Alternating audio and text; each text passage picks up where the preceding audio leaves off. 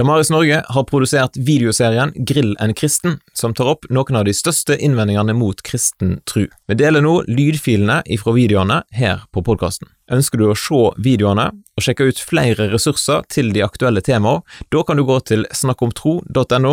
Der finner du dette under menypunktet Videoer. Genialt. Vi legger òg inn ei lenke i podkastbeskrivelsen. I denne videoen skal vi prate om et veldig stort tema som mange syns er veldig vanskelig, nemlig det onde. Og Rune, du er pastor, så du er jo vant med å bli grillet på sånne vanskelige spørsmål som det her. Hvordan, eh, hvordan kan Gud være god når verden er så full av ondskap? Det er lett å svare på. Det kan vi gjøre veldig kjapt. Neida, det, det er et veldig krevende spørsmål, men det har vært et spørsmål som har vært krevende i lang tid. og Det har vært stilt... Det første vi kan se at det er formulert, det er 300-tallet før Jesus ble født. Um, og Da blir det formulert på den måten her, at hvis, hvis Gud er allmektig, så kan han utrydde det onde.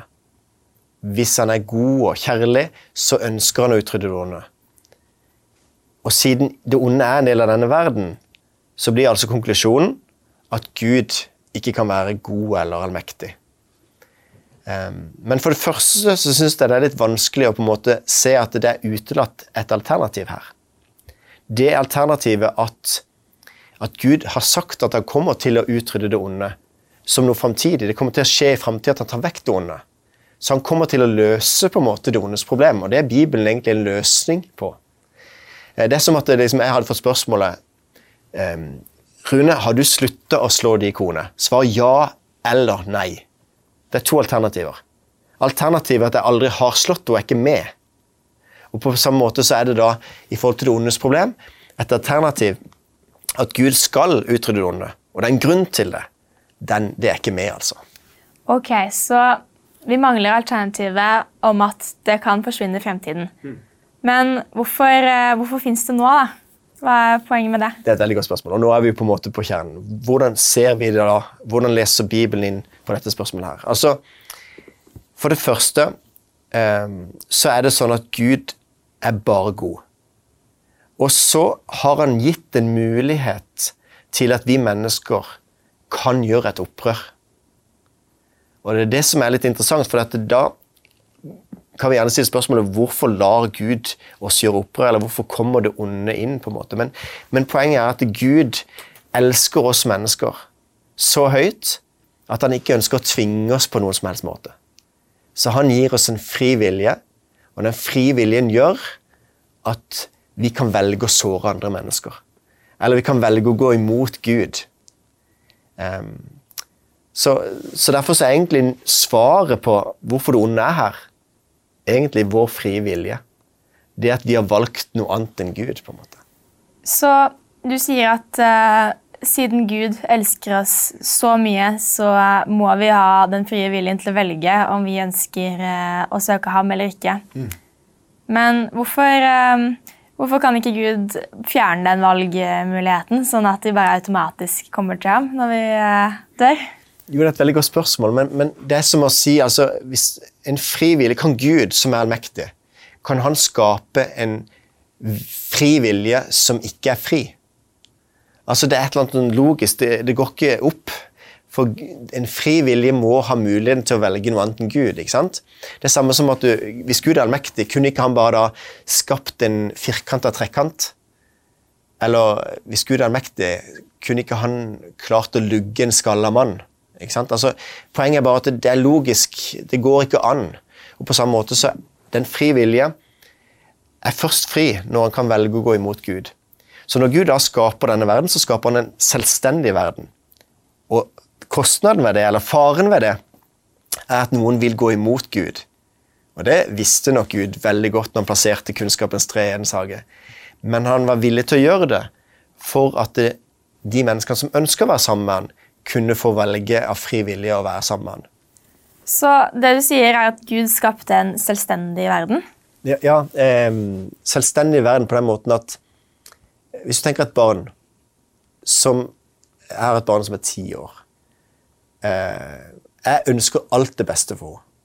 Og egentlig så har jeg veldig lyst til å kunne være med og gjøre valgene for henne.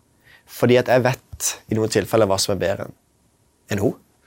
Um, men det vil ikke da være kjærlighet. Så hvis jeg ønsker at hun skal være et selvstendig individ, så må hun får lov til å ta valgene sjøl. På samme måte så tror jeg Gud har tenkt at han gir oss en fri vilje, så kan elske han hvis de ønsker. Eh, og Da kan ikke Gud gå inn og styre valgene. Det er ikke sånn at Hvis jeg bruker stolen, til, som er veldig greit at jeg har, men idet jeg har tenkt å bruke den som et slagvåpen, så skal Gud skape den stolen myk. Nei, ikke sant? Vår frivillige kan få konsekvenser. Og, og, det er nettopp fordi at han har gitt oss den eh, muligheten til å velge om vi bruker det til ære for Gud, eller gå imot Gud. Så vi kan ikke ha en ekte kjærlighet til Gud hvis Gud eh, tvinger oss til å elske ham? rett og slett. Ja, egentlig. Jeg syns det er bra oppsummert. Men eh, det onde eh, Mange tenker jo da at det må være i Gud eh, siden det fins. Og det er Gud som har skapt alt. Hva tenker du om det? Jo, det er veldig naturlig. Hvis vi tenker at Gud har skapt alt, så må han også ha skapt det onde. Men hva hvis, hva hvis ikke det onde er en ting i seg sjøl, men at det er mer fravær av noe? F.eks. på samme måte som, som, blindhet ikke er noe i seg sjøl, men det er fravær av syn. Så kan en tenke det onde som fravær av det gode, eller fravær av Gud. Så når Gud skal liksom gi deg en valgmulighet, du kan velge mellom meg eller meg, det er jo ikke valgfrihet. Det må være meg eller ikke meg, ikke, sant? ikke Gud. Så det, der hvor Gud ikke er, der må det være et helvete. Der må det være ondt. Der hvor kjærligheten ikke er. Så jeg tenker mer at det er fravær av Gud, det onde i seg sjøl. Men det er mange som syns det er litt vanskelig å tenke på dette her. For hvis Gud er allmektig, og han elsker oss, hvorfor kan han ikke bare gjøre det sånn at vi automatisk eh, kommer til ham? Hvorfor må vi aktivt ta det valget? Det er et veldig godt poeng. Og det tenker jeg at uh, mange ser nok på at Gud er kjærlighet. Det har de skjønt. Men så er det kun kjærligheten de fokuserer på. Men som kristen så ser en også at Gud han er en hellig Gud. Han er en rettferdig Gud, og jeg er veldig glad for at han er det. At ikke han bare ser under fingrene og sier at det, Hallo, jeg elsker deg uansett, så gjør ikke noe at du har begått urett mot noen andre. Men faktisk at Gud tar et oppgjør med det onde i mitt liv og i ditt liv. Og at han sier at det er ikke bra. Når jeg baksnakka noen i går som Gud elsker, så, så, hater Gud det. Gud liker ikke det. Og Det er litt det der biten der at jeg synes det er godt at han tar et oppgjør med det vonde som jeg har gjort. Og alle er enige om det når det gjelder Hitler. Eller Anders Behn Breivik. Eller, ikke sant? Så det her skal det tas et oppgjør med. Men problemet er at vi ser ikke at vi, som er stort sett er snille og greie, at vi skal på en måte måtte stå til ansvar for det gale vi har gjort. Men det er jeg litt glad for at Gud gjør. At han på en måte sier at det, det er ikke greit. Det ødelegger mennesker. Og så tar han et oppgjør med det, og så knuser han egentlig ondskapen. Men fordi han elsker meg det så høyt, så velger han å knuse seg sjøl istedenfor å knuse meg det. Og det gjøres jo i da korset. Så Derfor korset er veldig sentralt for oss som kristne at der viser Gud at han knuser ondskapen, samtidig som at han elsker oss så høyt at han knuser seg sjøl istedenfor. Så derfor er det mulig å ha en rettferdighet, hellighet og en kjærlighet, og holde det sammen i Gud. Så det du sier, er at for at Gud skal være fullstendig god og rettferdig, så må det onde få konsekvenser. Men hvis vi eh, tar imot tilbudet om at uh, Jesus, eller vi kan ta imot tilbudet om at Jesus tar disse konsekvensene for mm, oss. Ja. Da er, det, er den valgfriheten. ikke sant? Ja. For da skal ikke vi tvinges på det valget. Og den, den, eh, Det vil jo få konsekvenser, for det vil være noen mennesker som da ikke ønsker å ha noe med Gud å gjøre. Og da, da får det konsekvenser. Da vil det egentlig være to utganger av livet. Men da tror ikke jeg det er et sted som på en måte Gud skal liksom knuse mennesker en hel evighet. Men, men, det vil være to typer mennesker på dommens dag. De som Gud, det er de som mennesker sier til Gud 'Skje din vilje, Gud'. Eller der hvor Gud sier til mennesket 'Ok, da. Skje din vilje'. Og så vil de få det som de vil, og være da borte fra Gud. Um, så det er Derfor så, så ønsker Gud at vi skal ta imot den gaven det er da, med den kjærligheten han gir til oss i Jesus. Men nå nevner du jo dette med dommens dag. Hvorfor velger Gud å vente så lenge med å utrydde det onde? Ville det ikke vært best å bare avslutte det så fort som mulig? Det er et veldig godt spørsmål. Og det er mange som tenker det, at hvis Gud er allmektig, kan ikke han bare knipse og ta vekk ondskapen. Um, og egentlig så er jo da dommens da løsninga på ondes problem, for da knuser Gud ondskapen som ødelegger. Men poenget er da at det, det onde og det gode er jo i mitt hjerte. Skillelinja mellom det går gjennom mitt hjerte. Så hvis Gud skal ta et oppgjør med det onde, så ryker jeg med. Hvis Gud tar vekk ondskapen, så, så tar han vekk meg. Og Derfor så er det egentlig sånn at det, når Gud da ønsker eh, å ha det som en framtidig hendelse at han skal ta vekk ondskapen, så er det nettopp fordi han vil at flest mulig mennesker skal komme til tro. altså si ta imot den tilgivelsen, ta imot den gaven, ta imot den nåden som Gud gir gjennom Jesus. Og Når jeg da har tatt imot den, så kan Gud knuse ondskapen, og jeg er sett som at jeg er i Jesus. Jeg, er egentlig helt ren og rettferdig, for Gud har levd livet for meg. Og det er, faktisk, det er, faktisk, et vers i Bibelen som ikke så mange har blitt klar over eller helt har sett. For, for i Bibelen så, så, står det det i 2. Petersbrev kapittel 3 så står det noe om at det, i de siste dager så vil det komme mennesker som stiller spørsmål hvor blir da løftet om, om Jesus skal komme igjen. Um, og Da er det litt interessant, for da sier Peter det at Herren er ikke sein med løftet altså om å komme igjen, sånn som noen holder det for senhet, men han har tålmodighet med dere. For han vil ikke at noen skal gå fortapt, men at alle skal komme til omvendelse. Så nettopp det er poenget her, at Gud vil at flest mulig mennesker skal si ja til han før han sier 'nå er det nok', og så tar han et oppgjør dommens dag. Og tar et oppgjør og egentlig løser det ondes problem. Det onde vil ikke være der mer, og de som vil, har sagt ja til å kunne være sammen med Gud til evig tid. Så til slutt så blir det den gode løsningen eh, at vi lever lenger i en eh, ond verden for eh, at flest mulig skal komme til Jesus? Ja, det, det, betyr at dette er ikke den beste verden Gud kunne komme opp med. Men dette er den eneste verden for å få den beste verden som en framtidig hendelse. Så Derfor vil egentlig dette livet her, relativt kort, være en forberedelse til evigheten. Så målet med dette livet her er egentlig å kunne se det at det, Ønsker du å være sammen med Gud? Ja. Eller ønsker du ikke? Så får det konsekvenser, det valget der. En vanlig oppfatning er jo at eh, alt som skjer, har en mening. Uh, har Gud en mening med alt det onde som skjer i livene våre? Ikke sant? Og det er mange som tenker det at siden Gud har kontroll, og sånt, så, så er alt som skjer, Guds vilje. Egentlig så vil jeg si at det handler mer om islam. At alt som skjer, er Allahs vilje. Inshallah. Det, men, men det, kristen Gud har ikke Det er ikke sånn at det, det onde som skjer, at det er en mening med det. Det er Noen som har sagt det tidligere, det er nok en mening med det. Fordi at du kommer noe godt ut av det. Men det er noe helt annet. Gud kan vende det vonde til noe godt. Gud kan bruke ondskapen til å lære oss ting eller oppdra oss. Men det er først når det onde er der. Det er ikke sånn at han har sendt det onde for å lære oss noe, men når onde er der, så kan vi lære noe av det. Og Vi kan vokse i troa, eller vi kan bli prøvd i troa. Men det betyr ikke at det er en mening med alt som skjer. Jeg tror ikke det er en mening med lidelsen som skjer i denne verden.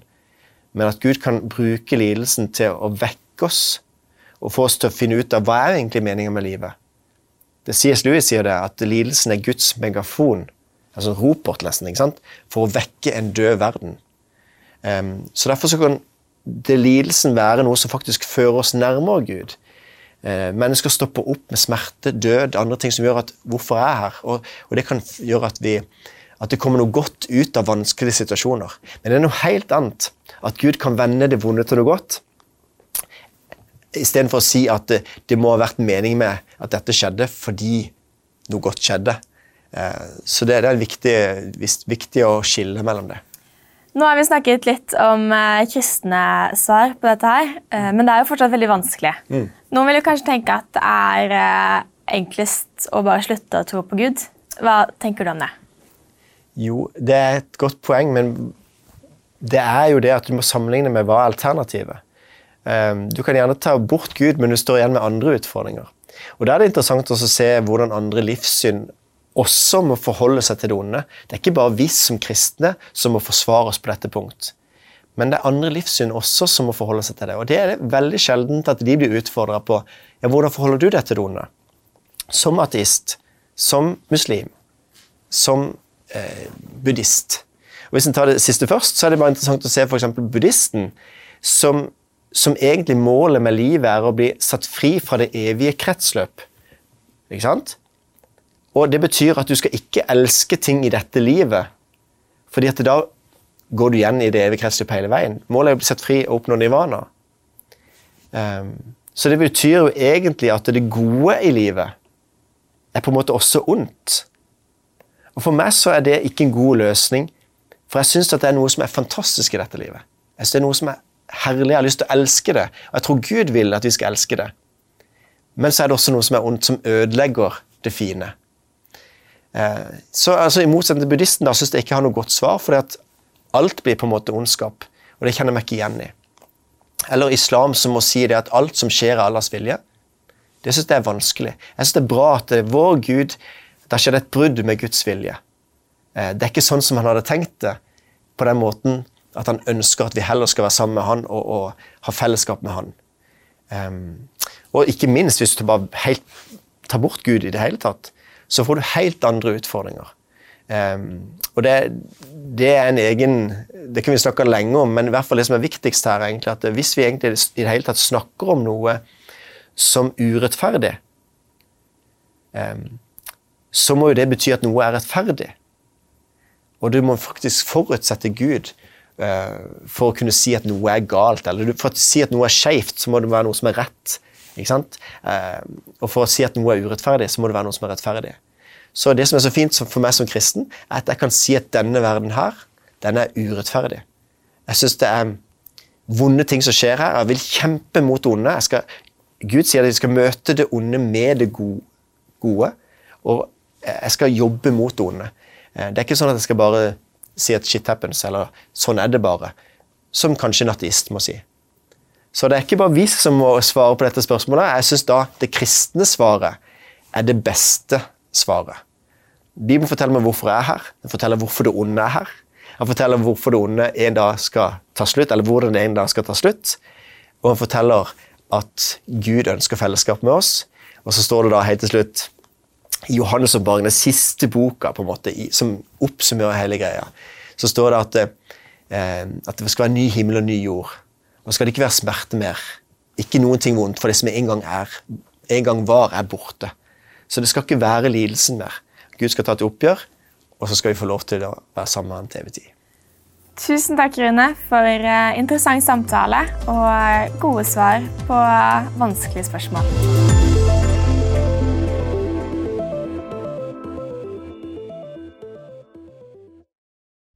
Vil du støtte arbeidet til Damaris Norge, sånn at vi kan produsere flere ressurser? Da kan du gå til damaris.no bidra. Vi vil òg anbefale å kjøpe boka Grill en kristen. Den får du kjøpt på snakkomtro.no. Videoserien Grill en kristen den ble produsert med støtte ifra Størst av alt, trosopplæring i Den norske kirke.